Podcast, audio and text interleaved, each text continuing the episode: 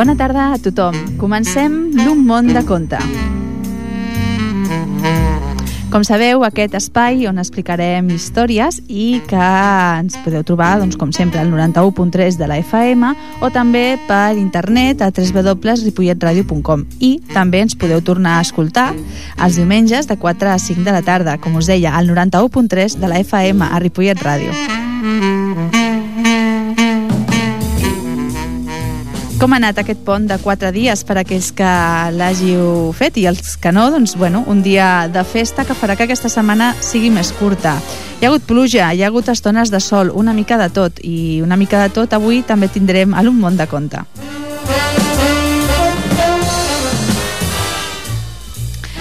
Avui, com en el programa de la setmana passada, eh, continuarem amb els contes per telèfon, perquè una, un oient del, del nostre programa, de l'Un món de conte, doncs em va comentar que li van agradar molt aquestes històries del Gianni Rodari i que per què no, doncs aquest programa eh, doncs, també el o el dedicaven als contes per telèfon.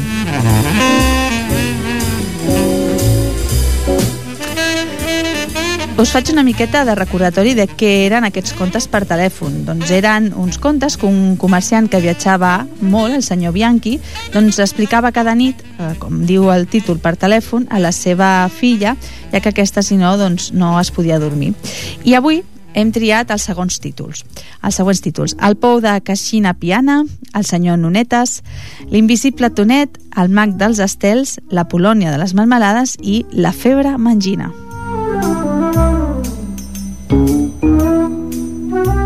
I avui, com que ja tenim bon temps i tenim el sol al nostre costat, portem música d'estiu, música de la que fa ja doncs, aquest temps en què ens agrada més estar al carrer. Portem els Macaco. Moving, all the people moving, els Macaco, que no és el nom del cantant, sinó que és el nom d'una banda de reggae doncs, que és originària de Barcelona i que va ser creada al 1997. Doncs amb els Macaco eh, tindrem la part musical del programa d'avui, de l'Un món de conte d'avui. Com us deia, eh, continuarem explicant contes del Gianni Rodari, aquests contes per telèfon. I buscant informació sobre l'autor d'aquests contes, doncs he trobat que en Gianni Rodari va, va guanyar l'any 1970 el Premi Hans Christian Andersen. Aquest premi és eh, l'equivalent, podríem dir, eh, als, als Premis Nobels de, en aquest cas, de literatura, vale? el Premi Nobel de Literatura. Uh, per això se li diu de vegades el Pequeño Premio Nobel. És un guardó internacional que es concedeix en freqüència bianual, és a dir, es fa cada dos anys. I doncs, el que fa és reconèixer la contribució que es fa a la literatura infantil i juvenil. I es concedeix en dues categories, una d'autors i una altra d'il·lustradors. Vale? En la categoria d'autors, com us deia, l'any 1970, el Gianni Rodari doncs, va, va ser qui va guanyar aquest premi. El premi, doncs, com bé podeu eh, suposar, deriva el seu nom de l'escriptor danès Hans Christian Andersen i els guanyadors el que reben és una medalla d'or i un diploma de mans de la reina de Dinamarca.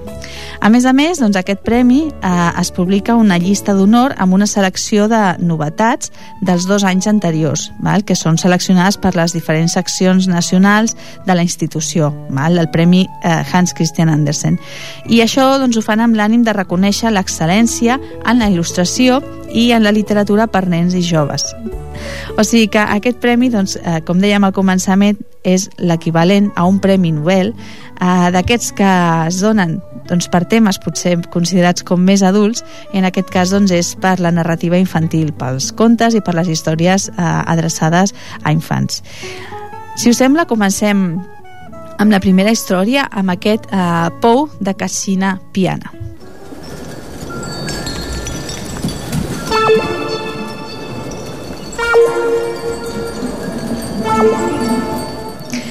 A mig camí entre Saronno i Legano, a la vora d'un gran bosc, hi havia Caixina Piana, que tot plegat eren tres casalots.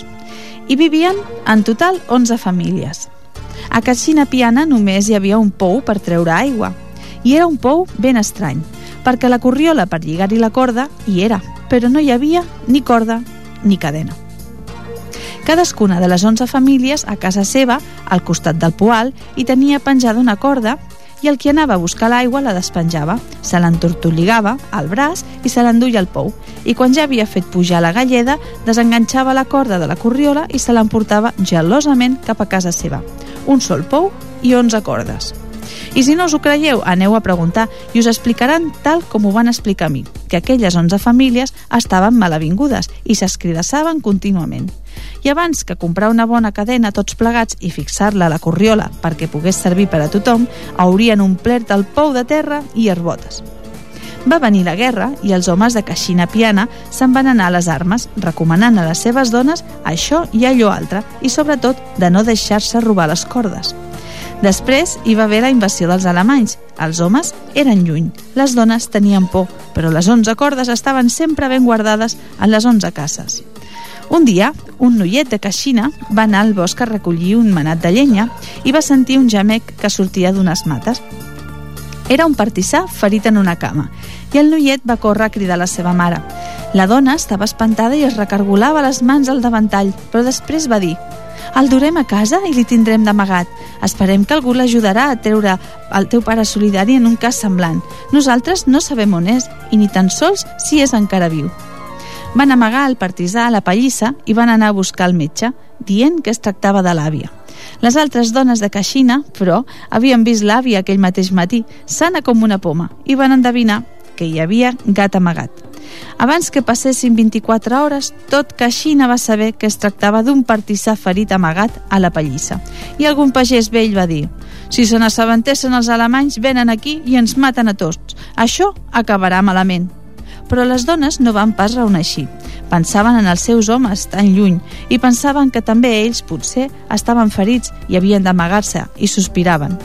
El tercer dia, una dona va agafar una llonganissa de porc acabada de fer i la va dur a la Caterina, que era la dona que havia amagat el partissà, i li va dir «Aquest home necessita posar-se ben fort, dóna-li aquesta llonganissa». Al cap d'una estona va arribar una altra dona amb una ampolla de vi.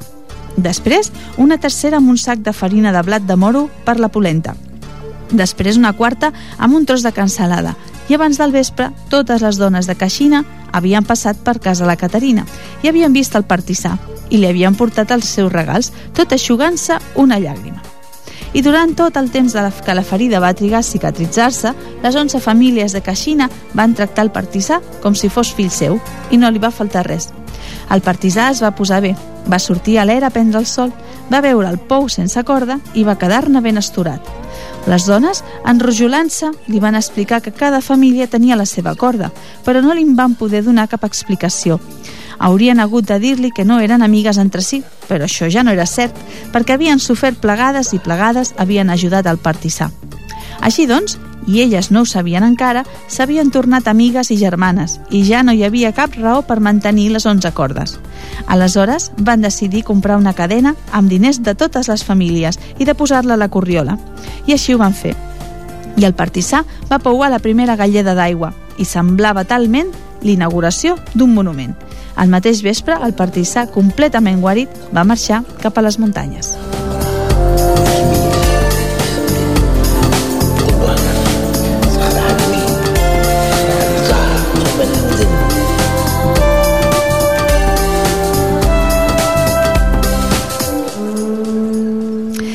La, senyor, la segona història que explicarem es titula El senyor Nunetes.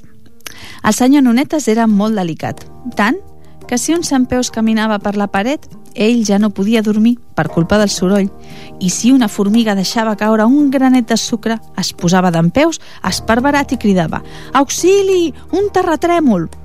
Naturalment, no podia pas suportar ni la mainada, ni les tempestes, ni les motos, però sobretot el que més l'empipava era la pols sota els peus.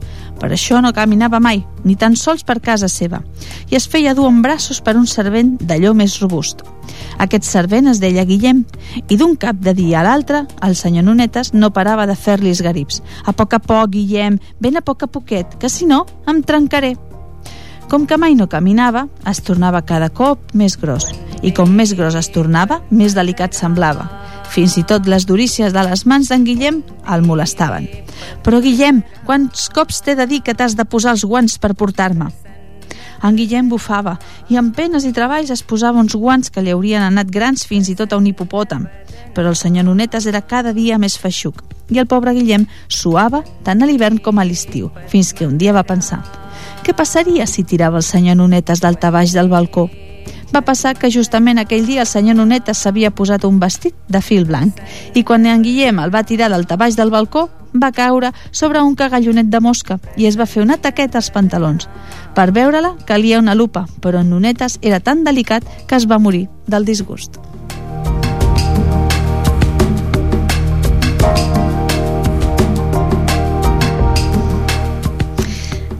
Doncs com us deia al començament, a la introducció del programa, els Macaco eh, són una banda de reggae de Barcelona i el lidera, aquest grup el lidera el Daniel Monoloco Carbonell. Els membres originaris són de diferents països, com ara Brasil, Camerún, Venezuela o Espanya, i donen a la seva música un color barrejat amb accents electres de música llatina i de rumba. Canten en diferents idiomes i entre ells doncs, està, evidentment, l'espanyol, el portuguès, el francès, l'anglès, el català i fins i tot l'italià. Escoltarem el tema Puerto Presente. Presente, Puerto Presente, presente, y aquí a tu lado.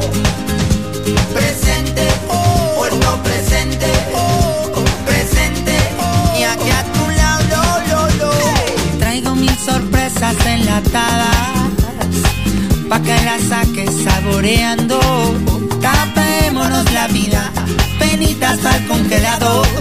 Aquí, ahora, la celebración. Si el mundo está roto, tu carcajada me pone en pie. Pies tocando la tierra, mano levanta, gritaré.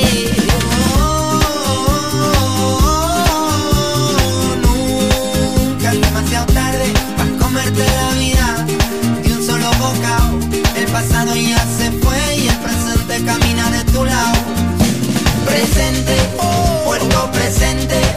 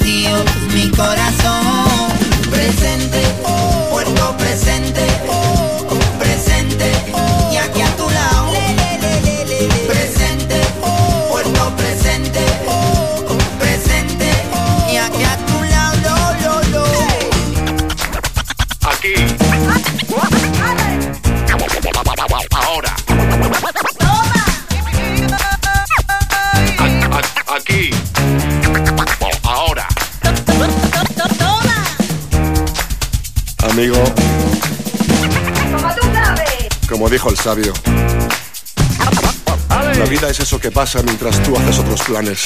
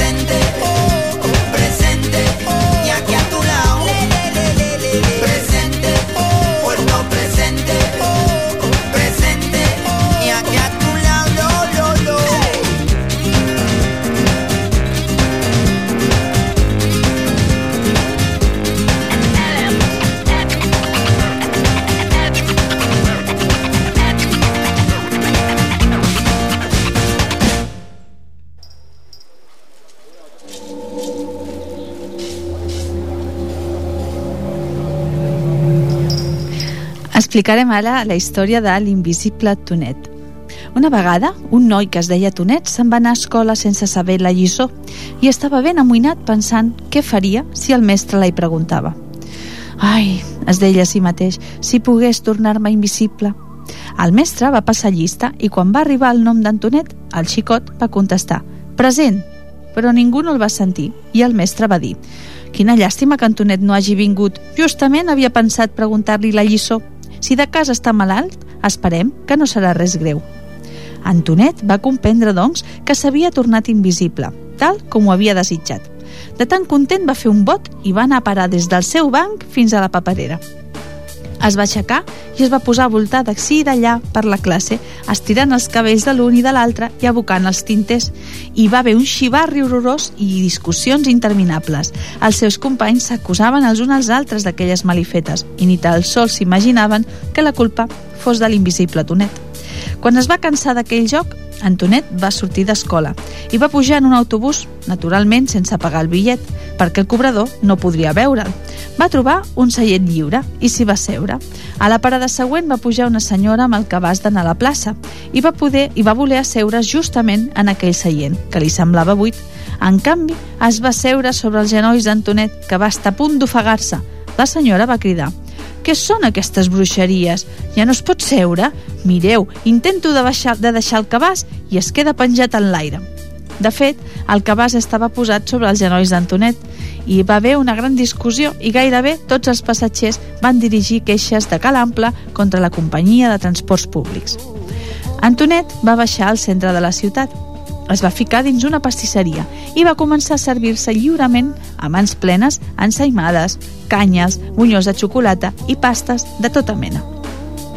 La dependenta, que veia desaparèixer els pastissos de l'aparador, va acusar un senyor tot digne que estava comprant caramels de cafè per una seva tia. El senyor va contestar «Jo, un lladre? Vostè no sap amb qui parla. Vostè no sap qui era el meu pare. Vostè no sap qui era el meu avi.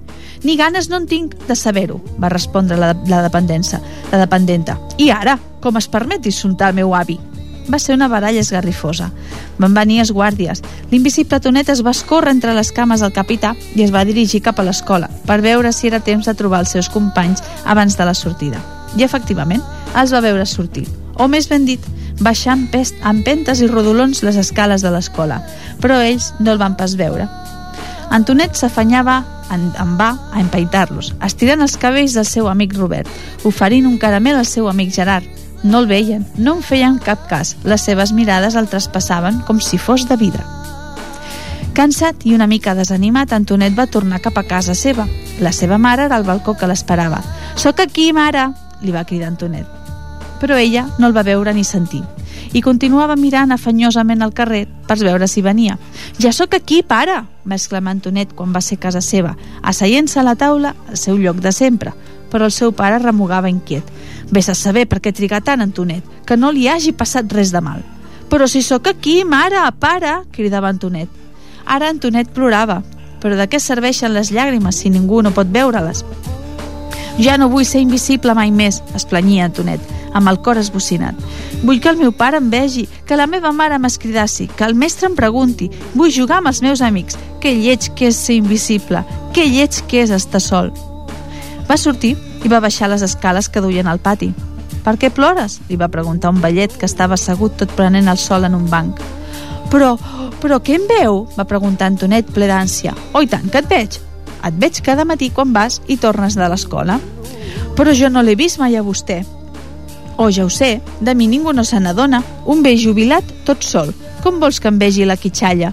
Jo sóc per vosaltres talment com l'home invisible. Tonet! Va cridar en aquell moment la mare des del balcó. Mare, que em veus? Ves, per què no t'hauria de veure? Puja, puja de seguida que sentiràs ton pare. Ja pujo, mare, va cridar Antonet tot content. No et fan por els mastegots? Va, va riure el vell. Antonet se li va penjar el coll i li va fer un petó. Vostè m'ha salvat, va dir. I ara? Quina exageració, va dir el vellet.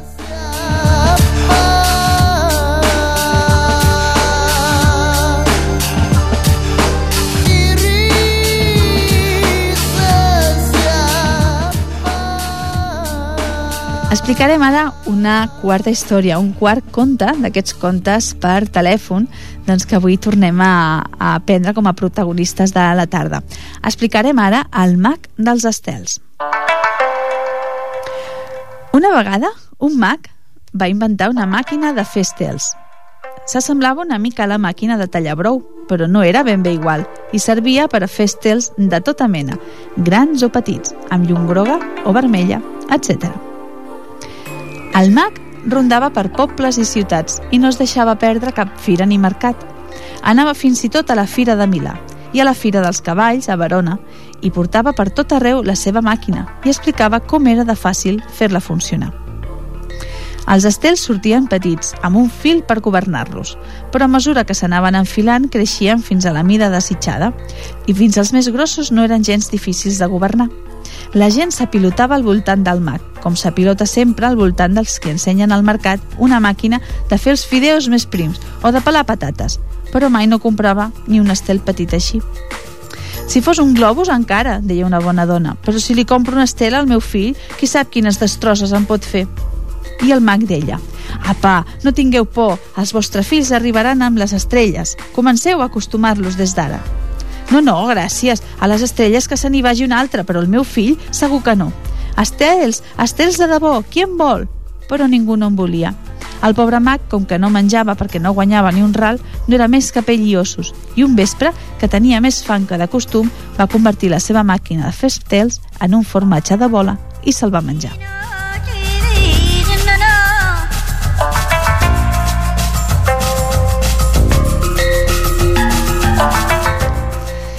Continuem amb música, amb els Macaco. I diuen que aquest grup realment es va formar al carrer. Va començar tocant a la plaça Catalunya i a les Rambles de Barcelona. La mare d'en Daniel l'anomenava Mico, li deia Mico eh, carinyosament en català, que és un sinònim, doncs, bueno, tots ho sabem, de la paraula mono. I temps després eh, se li va començar a conèixer com a Macaco, i de fet d'aquí doncs, va treure el nom per, per la seva banda per aquesta banda que avui doncs, ens porta a la part musical del programa. Escoltem ara la cançó Mensajes del agua.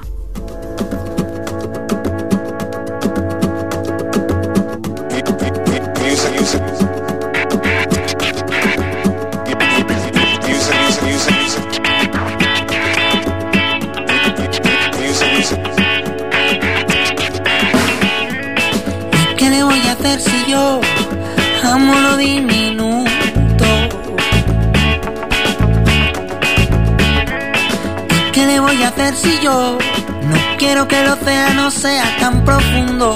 No, no. ¿Y qué le voy a hacer si yo en lo pequeño encontré la fuerza de mi mundo? Oye. ¿Qué le voy a hacer si yo pienso que yo si nosotros sumamos uno?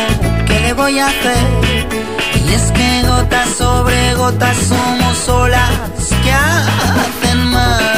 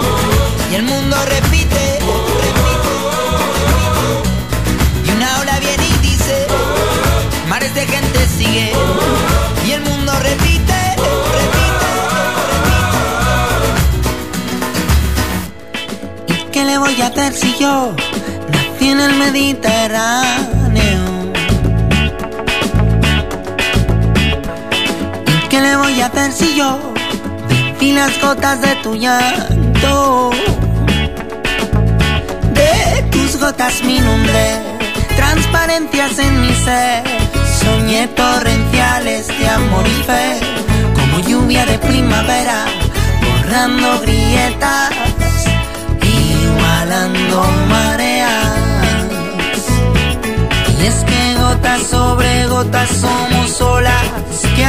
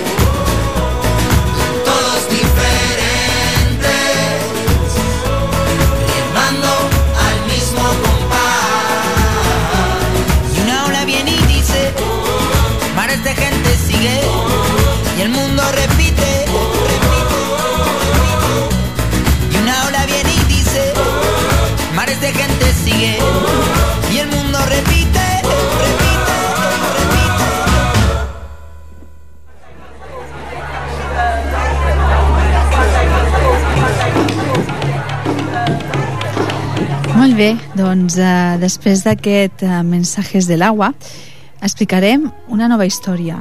Uh, una història que es titula La Polònia de les Malmelades i que trobo doncs, que té un, un toc una mica especial. Diu, a Sant Antonio, al costat del lago Maggiore, vivia una doneta que sabia fer les millors malmelades del món.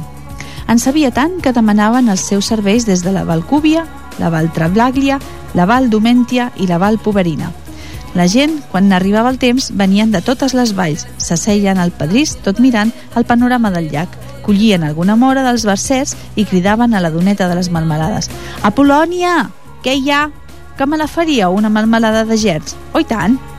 Que m'ajudaríeu a fer una bona melmelada de prunes? De seguida! La Polònia, aquella doneta, tenia ben bé les mans d'or i feia les millors melmelades de Baresotto i del cantó Ticino. Una vegada hi va anar una doneta d'Arcomègia que era tan pobra que per fer melmelada no tenia ni tan sols un grapat de pinyols de préssec i per això, tot fent camí, s'havia omplert el davantall de pallons de castanyes. Apolònia, que em faria una melmelada d'això? Amb clofolles de castanya? És que no he trobat res més. Paciència, ho provaré. I la Polònia ho va fer tan bé que de la clofolla de castanya en va sortir la meravella de la melmelada. Una altra vegada, aquella doneta de Cormègia no va trobar ni tan sols clofolles de castanya, perquè les fulles seques les havien tapades en caure, i per això va arribar amb el davantall ple d'ortigues. A Polònia, que me'n faríeu melmelada? Amb ortigues? És que no he trobat pas res més. Paciència, ja ho veurem. I la Polònia va agafar les ortigues, les va ensucrar, les va fer bullir com només sabia fer-ho ella i en va obtenir una melmelada que n'hi havia per llepar-s'hi els dits perquè la Polònia, aquella doneta, tenia unes mans d'or i d'argent i hauria pogut fer melmelada fins i tot amb palets de riera. Una vegada l'emperador va passar per allí i ell també va voler provar les melmelades de la Polònia. I ella n'hi va oferir un platet. Però l'emperador, després de la primera cullerada, es va disgustar perquè hi havia caigut una mosca. Em fa fàstic, va dir l'emperador. Si la melmelada no fos bona, la mosca no hi hauria caigut, va dir la Polònia. Però l'emperador s'havia enrabiat tant que va manar als seus soldats que tallessin les mans de la Polònia. Aleshores la gent es va sollevar i va fer dir a l'emperador que, si ell tallava, que si ell tallava les mans a la Polònia, ells li tallarien la corona amb el cap i tot, perquè de caps per fer d'emperador se'n troben a totes les cantonades, mentre que de mans d'or com les de la Polònia no se'n troben ni un parell entre un milió. I l'emperador va haver de fer moixoni.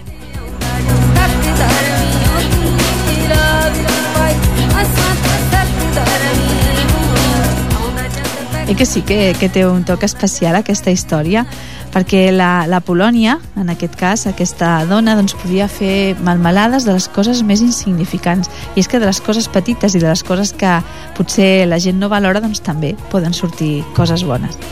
Continuem amb la quarta, no, la sisena història que expliquem avui. Eh? Aquests contes són, són curts i doncs, ens permeten poder explicar diferents històries al llarg del, del programa. Ara explicarem la història La febre mangina. Quan la nena està malalta, les seves nines també han d'emmalaltir per fer-li companyia. L'avi les visita, els recepta els medicaments que fan el cas i els dona moltíssimes injeccions amb una ploma estilogràfica. Aquest nen està malalt, doctor. Vejam, vejam. Ui, sí, i tant. Em sembla que té una bona rebomboritis. És greu? Gravíssim. Dongui-li aquest xarop de llapis blau i faci-li fregues amb paper de caramel d'anís. I aquest altre nen, no li sembla que també està malaltís? Malaltíssim si es veu d'una hora lluny. I, I què té? Una mica de refredat, una mica de refredit i mitja terça de maduixitis aguda. Mare meva, es morirà? No hi ha perill. Dongui-li aquestes pastilles de ximplerina dissoltes en un vas d'aigua bruta, però que sigui un vas verd, perquè els vasos vermells li farien agafar mal de dent. Un bon matí, la nena està guarida. El metge li diu que ja es pot llevar, però l'avi la vol visitar personalment, mentre la mare li prepara els vestits. Vejam, vejam, digui 33, digui tiroliro, provi de cantar. Tot va bé, ha estat una magnífica febre mangina.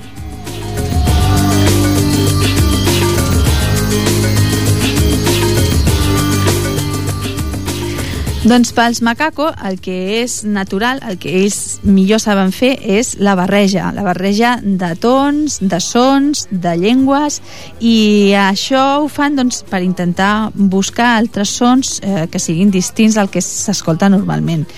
És una banda on es troben doncs, el talent i el bagatge d'una sèrie de músics que procedeixen, com hem dit abans, de diferents països, de Brasil, de Cuba, de Venezuela, de Camerún, de Zimbabue, i això doncs, li, els hi dona aquest toc no, de, doncs, de diferent, de, de quelcom doncs, que ens agrada escoltar perquè és diferent al que normalment sentim.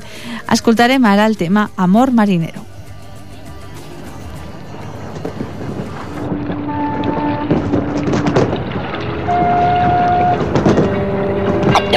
Hay una cosa que no podemos simular y que es básica para cualquier ser humano. La barrera de la soledad.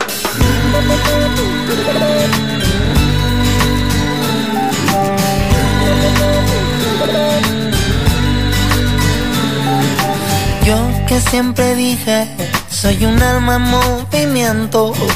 Yo que siempre dije, soy un barco sin ancla ni puerto. Yo que siempre dije, a mis amigos de eso no quiero. Ahora yo les digo, decirle que la quiero. Yo que siempre escuché amarle gritando revolución. Ahora escucho no woman no cry. Y si estoy llanto se me queda pegadito al cuerpo. Amor con sabor salado, amor marinero. Amor con sabor salado, amor marinero. Oye, amor con sabor salado, amor marinero. Desde que la distancia pica y pica, desde que aunque quieras no se te quita. Amor con sabor salado, amor marinero.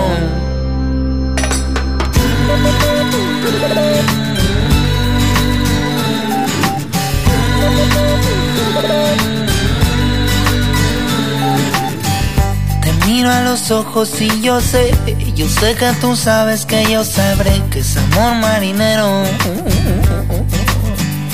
Porque tú y yo somos un mástil y una vela.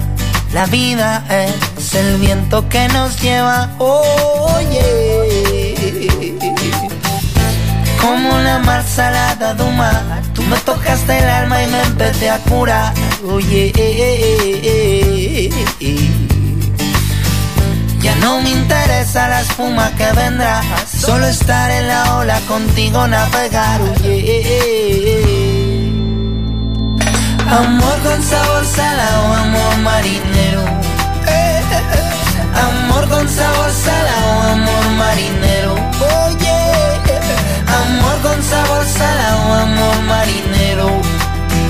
Desde que la distancia pica y pica, desde que aunque quieras no se te quita. Amor con sabor salado, amor marinero. La tormenta, la resaca, la calima, la brisa, la marea que nos lleva al fondo tan hondo y otra vez a flotar. Y la tormenta, la resaca, la calima, la brisa, la marea que nos lleva al fondo tan hondo y otra vez la calma. Amor con sabor salado, amor marinero. Amor con sabor salado, amor marinero. Amor con sabor salado, amor marinero. Desde que la distancia pica y pica, desde que aunque quieras no se te quita. Amor con sabor salado, amor marinero.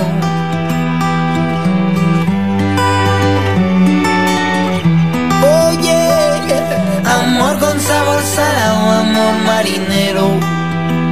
Desde que la distancia pica y pica, desde que aunque quieras no se te quita. Amor con sabor salado, amor marinero.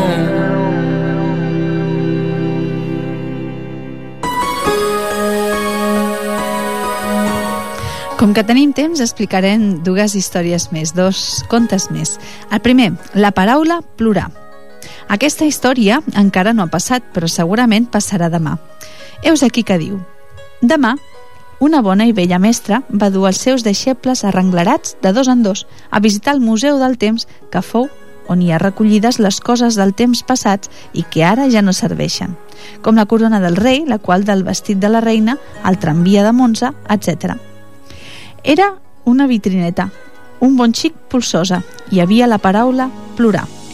Els alumnes de demà van llegir el cartellet, però no entenien de què anava. Senyoreta, què vol dir? És una joia antiga? Que potser era dels etruscs. La mestra va explicar que antigament aquella paraula s'havia fet servir molt i feia mal. Va ensenyar una ampolleta en la qual hi havia llàgrimes conservades. Qui sap, Potser les havia vessades un esclau apallissat pel seu amo. Potser un nen que no tenia casa. Sembla aigua, va dir un dels alumnes. Però picava i cremava, va dir la mestra.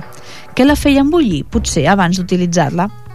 Veritablement aquells alumnes no en tenien res, fins i tot començaven a avorrir-se. Aleshores la mestra els va acompanyar a visitar altres seccions del museu, on es podien veure coses més fàcils, com ara les reixes d'una presó, un gos guardià, el tramvia de Monza, etc. Tot de coses que en el feliç país del demà ja no existien.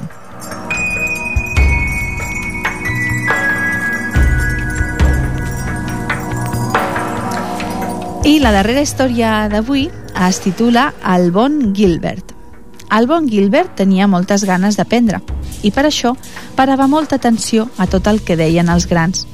Una vegada va sentir dir una dona Mireu la Filomena com s'estima la seva mare. Fins i tot li duria aigua amb les orelles. El bon Gilbert va rumiar. Magnífiques paraules, les vull aprendre ben bé de memòria. Al cap d'un temps, la seva mare li va dir Gilbert, vés-me a buscar una galleda d'aigua a la font. De seguida, mare, va dir en Gilbert, però mentrestant pensava li vull demostrar a la meva mare com l'estimo. En comptes de dur-li amb la galleda, li duré l'aigua amb les orelles. Va anar a la font, va posar el cap sota el raig d'aigua i es va omplir d'aigua una orella. N'hi cabia just un didal. I per portar-la fins a casa, el bon Gilbert havia de dur el cap ben fort. Que no arriba aquesta aigua? va rondinar la mare que la necessitava per fer la bugada. De seguida, mare, va contestar el Gilbert tot atrafegat. Però per contestar va redreçar el cap i l'aigua va sortir de l'orella i li va regalimar coll avall. Va córrer a la font a omplir-se l'altra orella i cabia exactament tanta aigua com en la primera. I el bon Gilbert havia de dur el cap tort de l'altra banda i abans d'arribar a casa ja s'havia vessat l'aigua. «Que no arriba aquesta aigua?», va preguntar la mare empipada. «Potser tinc les orelles massa xiques», va pensar entristit el bon Gilbert. Mentrestant, però, la seva mare havia perdut la paciència. Es creia que en Gilbert havia estat jugant a la font i li va donar dues plantofades, una a cada orella. Pobre bon Gilbert, va entomar les dues plantofades amb santa resignació i va decidir que una altra vegada li duria l'aigua amb la galleda.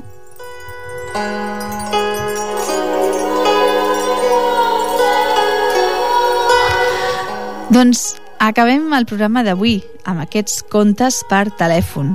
Uh, us ho vaig dir al programa anterior, si us agraden, si voleu llegir-les totes, perquè n'hi ha, ha un munt, doncs uh, aquest llibre el trobeu a la Biblioteca Municipal, eh, a la Biblioteca de Ripollet, i per tant doncs, el podeu agafar en préstec. Jo crec que val la pena, perquè les històries doncs, són curtetes i potser doncs, abans de dormir podeu llegir-ne un parell, com aquestes que hem llegit avui a l'Un món de conte.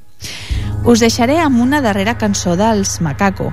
Uh, I és que l'any 2009, en col·laboració amb National Geographic, uh, van editar un vídeo que es portava per títol Moving, vale? i aquesta és la cançó doncs, que escoltarem. En el vídeo apareixen doncs, diferents artistes reconeguts mundialment, com el Juan Luis Guerra o el Juanes, i actors com el Javier Bardem i el Javier Cámara.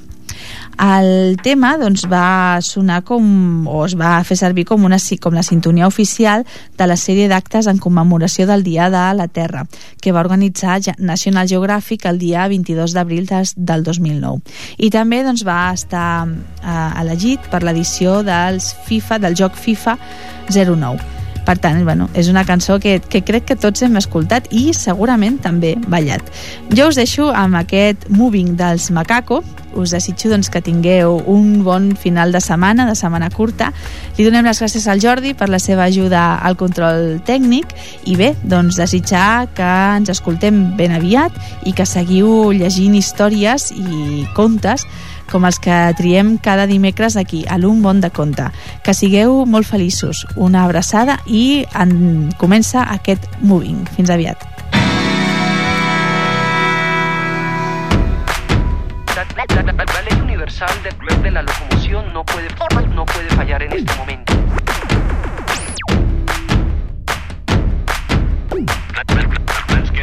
Moving, all the people moving. Moving, all the people moving.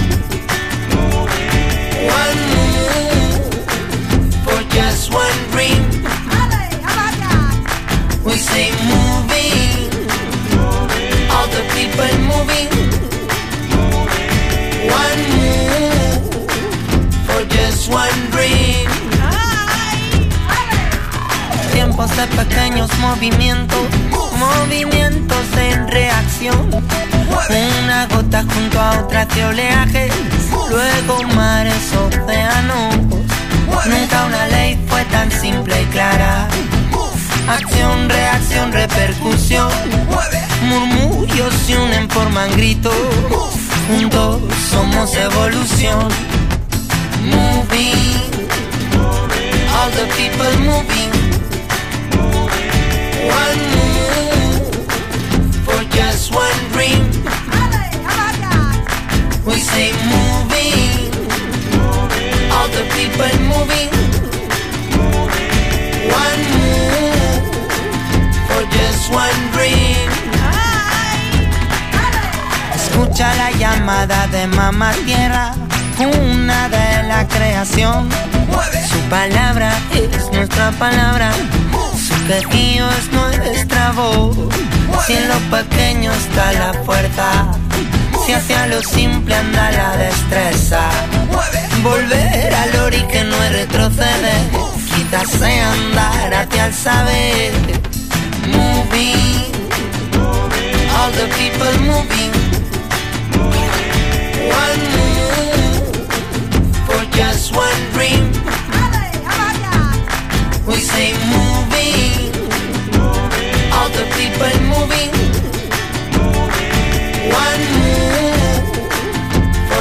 one dream.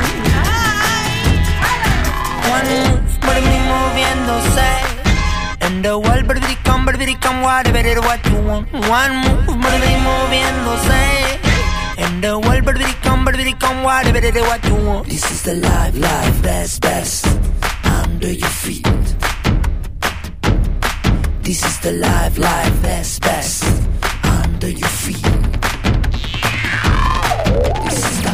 moving, all the people moving.